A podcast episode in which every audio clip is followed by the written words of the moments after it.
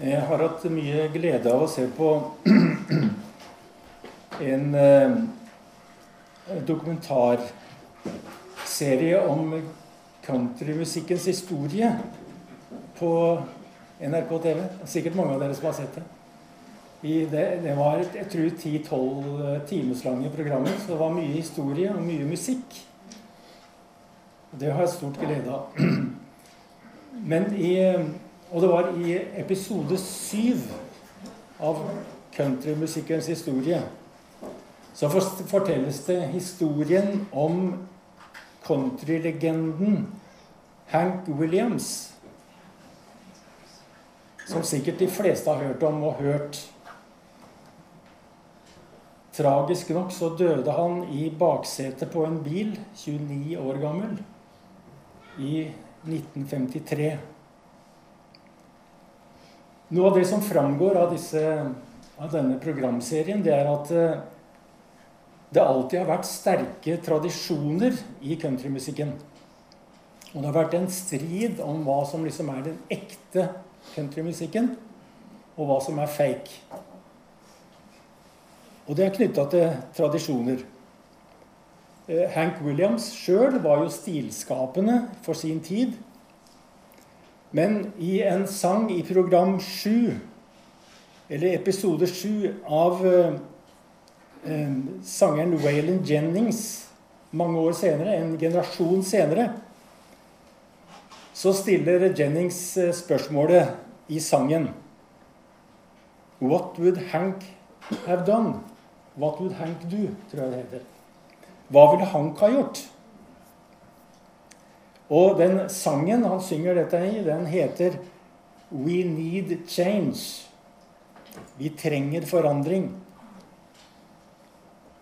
Ehm, det har vært altså krefter i, eh, i miljøet som vil ha alt på samme måten som det alltid har vært. Ville ha det sånn som det var når Hank Williams var på sitt høyeste.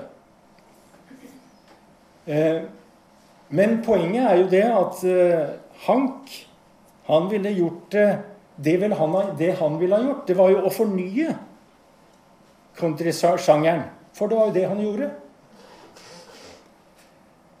Uh, Waylon Jennings var en del av en ny generasjon countrymusikere. Sammen med bl.a. Chris Christoffersen, Johnny Cash og Willie Nelson. Det var en ny generasjon musikere med respekt for tradisjonen. De sang også de samme tradisjonelle sangene. Men de uttrykte countrymusikken på sin egen måte.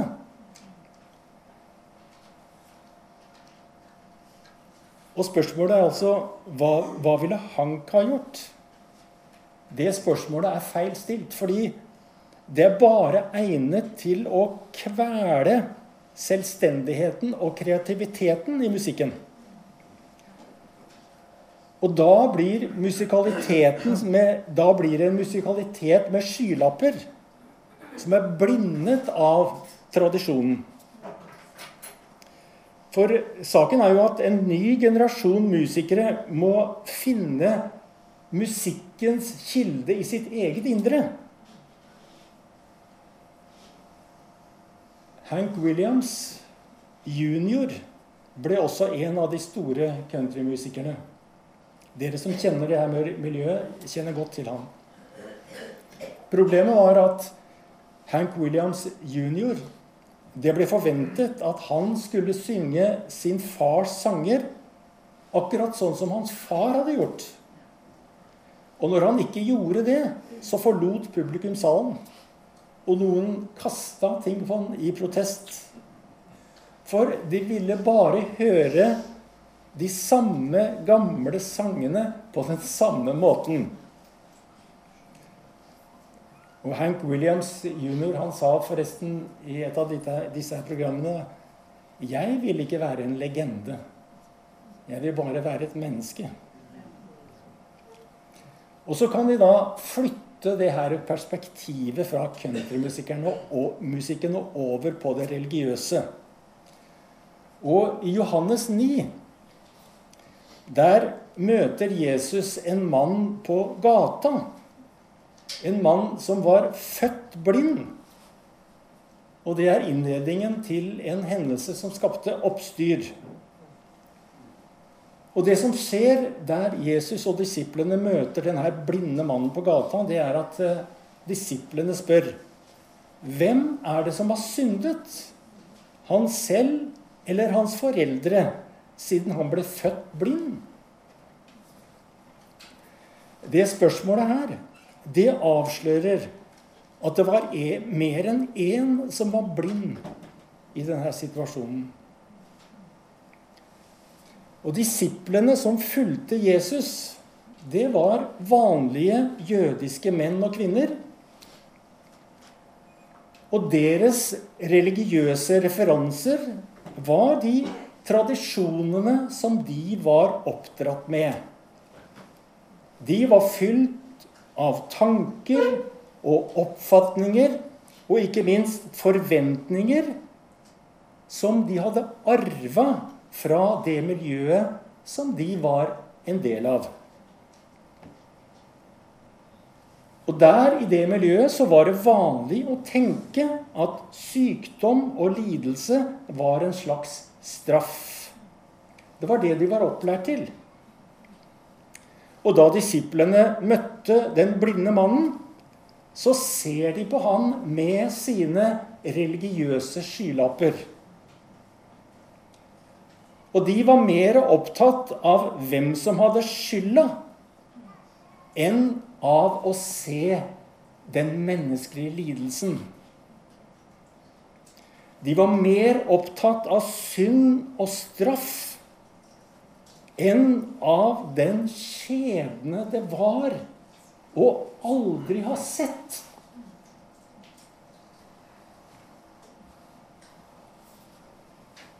Jeg har nettopp lest en bok av eh, Jeg leste den ut på en kveld, faktisk. Jeg ble veldig berørt av den. Av en musikeren og forfatteren Johan Heltne. Han vokste opp i Livets Ord i Uppsala. Der gikk han på barneskolen, der gikk han på ungdomsskolen. Han tok skade av det. Dermed er det ikke sagt at alle som var en del av det miljøet, tok skade. Men han var en av de som gjorde det.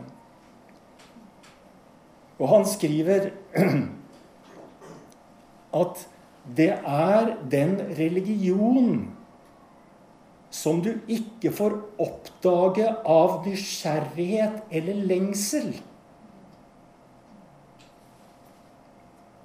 Det er den religion som man bare skal lære seg utenat.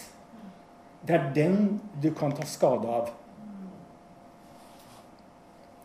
For det er den blinde religionen. Det er den religion som er innlært gjennom oppdragelse og tradisjoner,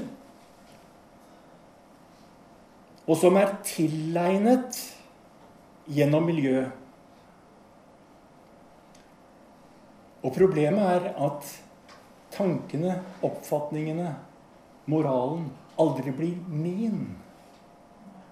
Det blir bare en repetisjon av de gamle melodiene. Hva andre har sagt, og hva jeg har hørt. Det er en måte å tenke på som er overtatt fra omgivelsene.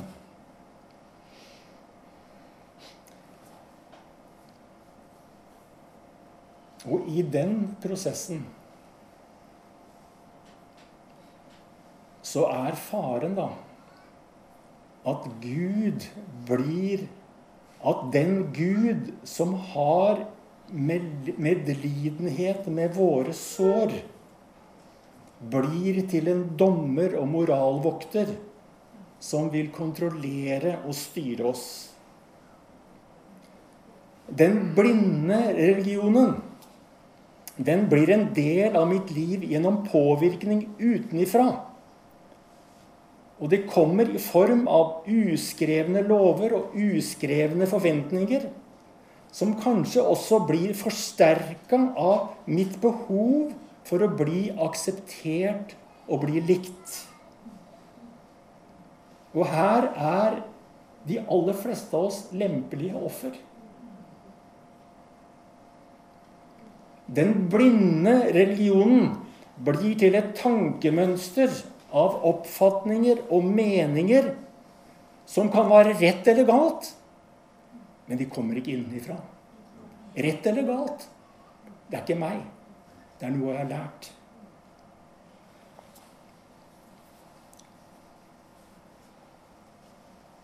Og det som ikke kommer innenifra, blir en hindring for fornyelse. For det som ikke kommer innenifra, det kveler selvstendigheten og kreativiteten i våre liv. Og den blinde religionen gjør oss til rettskaffenhetens voktere. Og når vi ser oss sjøl i speilet som rettskaffenhetens voktere, da er det på tide at vi synger med Waylon Jennings 'We Need Change'.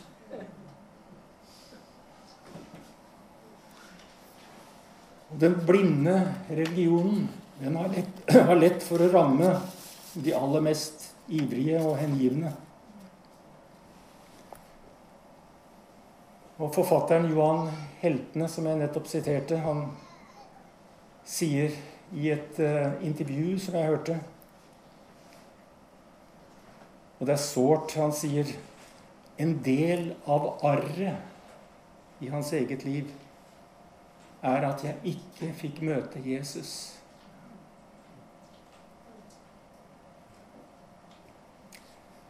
For det er i møte med Jesus Våre øyne kan bli åpnet, og vi kan bli oss sjøl. Nå skal jeg legge til at Johan Heltene, etter å ha vært borte fra troen i en del år, igjen har funnet tilbake til troen, til Kristus. I et litt annet miljø, riktignok. Men har funnet tilbake til barndommens tro. Um, og blitt seg sjøl i Kristus. I, I, den fortellingen fra Johannes 9 som vi nettopp refererte til, så var det Jesu disipler som var blinde. Jeg tenkte faktisk når jeg, når jeg tenkte tilbake på Johannes, så tenkte jeg det var jo, det, det var jo typisk fariseerne, tenkte jeg, si dette. Men så så jeg nærmere etter, så viste det seg at det var disiplene som var blinde. Men poenget er jo at eh, disiplene var blinde, de. Men de var ikke noe mindre Jesu disipler for det. Tvert imot. Det var jo de som fikk oppdraget å bringe evangeliet om Jesus til sin generasjon. Jesus eh, rygger ikke tilbake for de blinde eller han.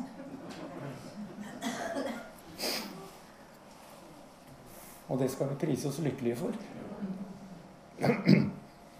For det er også vår oppgave å bringe evangeliet om Jesus ut til vår generasjon. Men for å se sånn som Gud ser, så trenger vi å møte Jesus. Og vi trenger å møte han om igjen og om igjen og om igjen. Og Vi trenger å bli fornya i møte med Jesus gjennom hele livet. Og I Johannes 9 så ser vi at Jesus er ikke opptatt av skyld og straff. Han lar seg ikke blinde av religionens forutidende inntatte oppfatninger. Jesus ser et menneske som lider. Han ser fortvilelsen han ser fattigdommen. Han ser utenforskapet i den blinde mannen som sitter der. Og det er jo derfor Jesus kom. For å vise oss en annen måte å se på for oss som er blinde. Verken han eller hans foreldre har syndet, sier Jesus.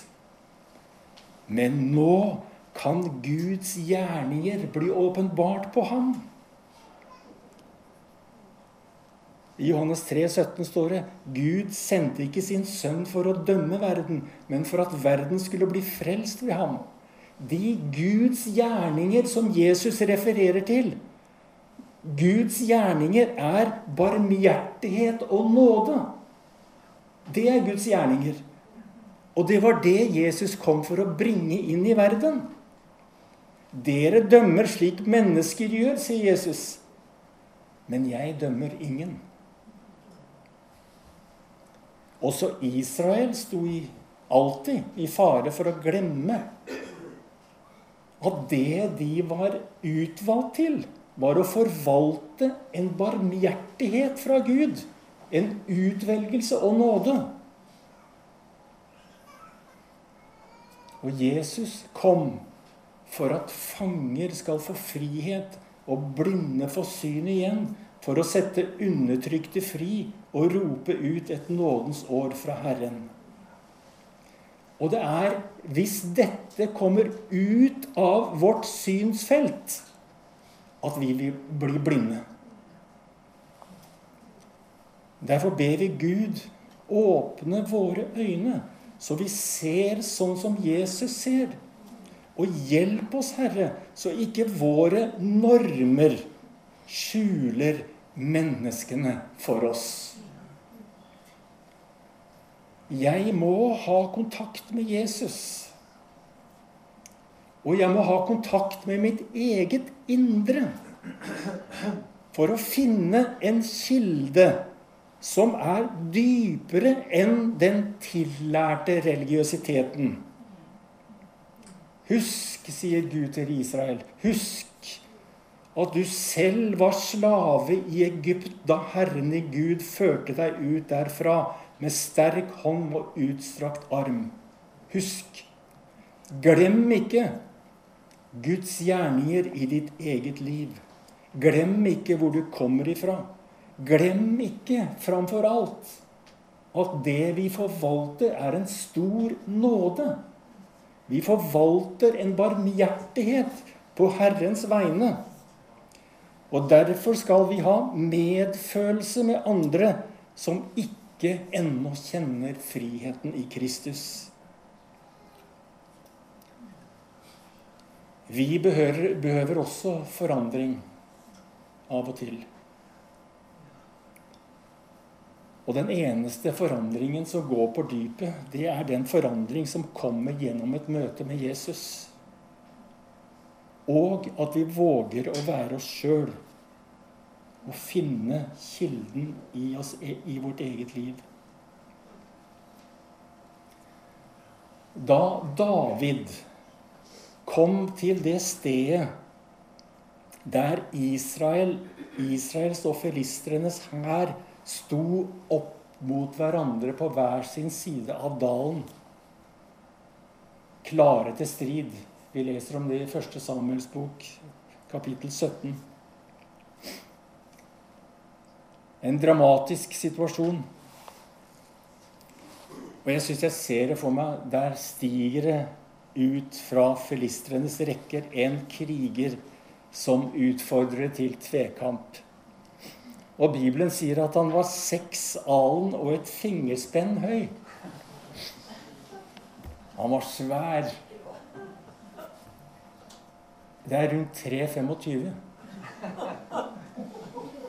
Han var en kjempe. Ja, det var på sokkelesten. Seks alen og en fingerspenn. Et fingerspenn. Og Goliat stilte seg opp og hånte Israels fylking. Det var kamp, det var strid. Alle var redd for ham. Men David hadde mot. Og David stilte seg fram for å gå i kamp mot Goliat. Og det poenget her, det er at da David stilte seg fram for å gå i kamp mot Goliat og de kreftene han representerte, da ble det forventet av David at han skulle ta på seg det utstyret som alle de andre krigerne brukte når de gikk i kamp. Men poenget er at det passa ikke for David.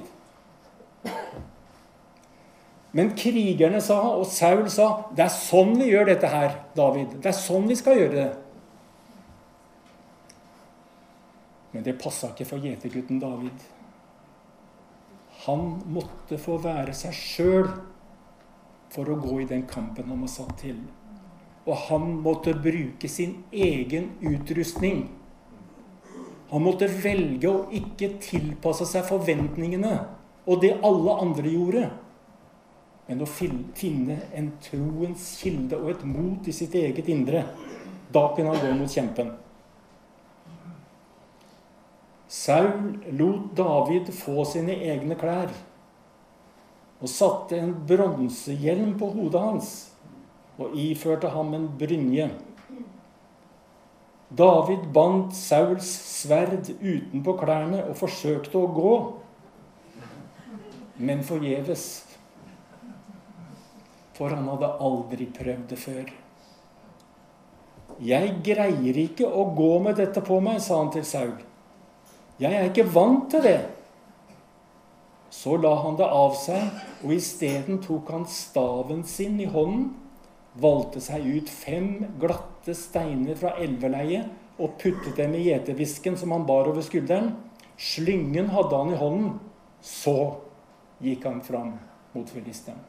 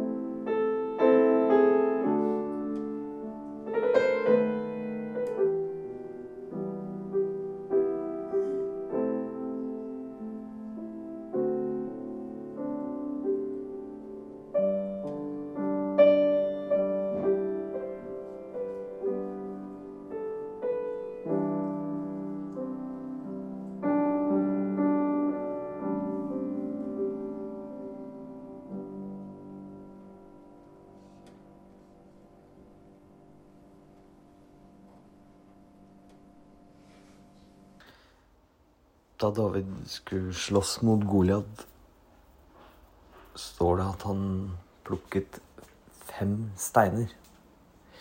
Tallet fem er tallet for nåde på hebraisk. Du er steinen i min hånd. Du kjærligheten er slynge mot motstand. Du er livets ånd som pustes i meg.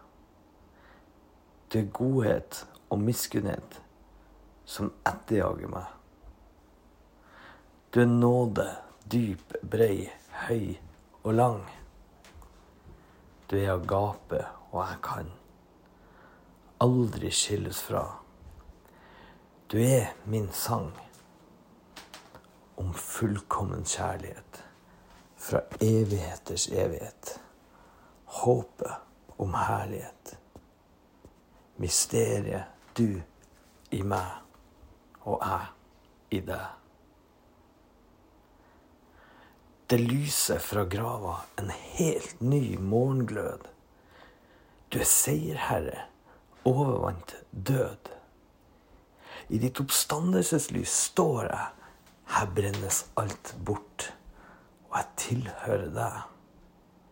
I kjærlighet fant du meg, og i kjærlighet vant du meg. Du, avglansen av det rette bildet av hvem Gud virkelig er. Du, så er Guds liv i meg. Inkludert og akseptert. Du, himmelens juvel, min rike arv, min vei inn til Guds hjerte. Du er armene som bærer meg og legger meg like inntil Guds hjerte, hvor jeg hører det slå.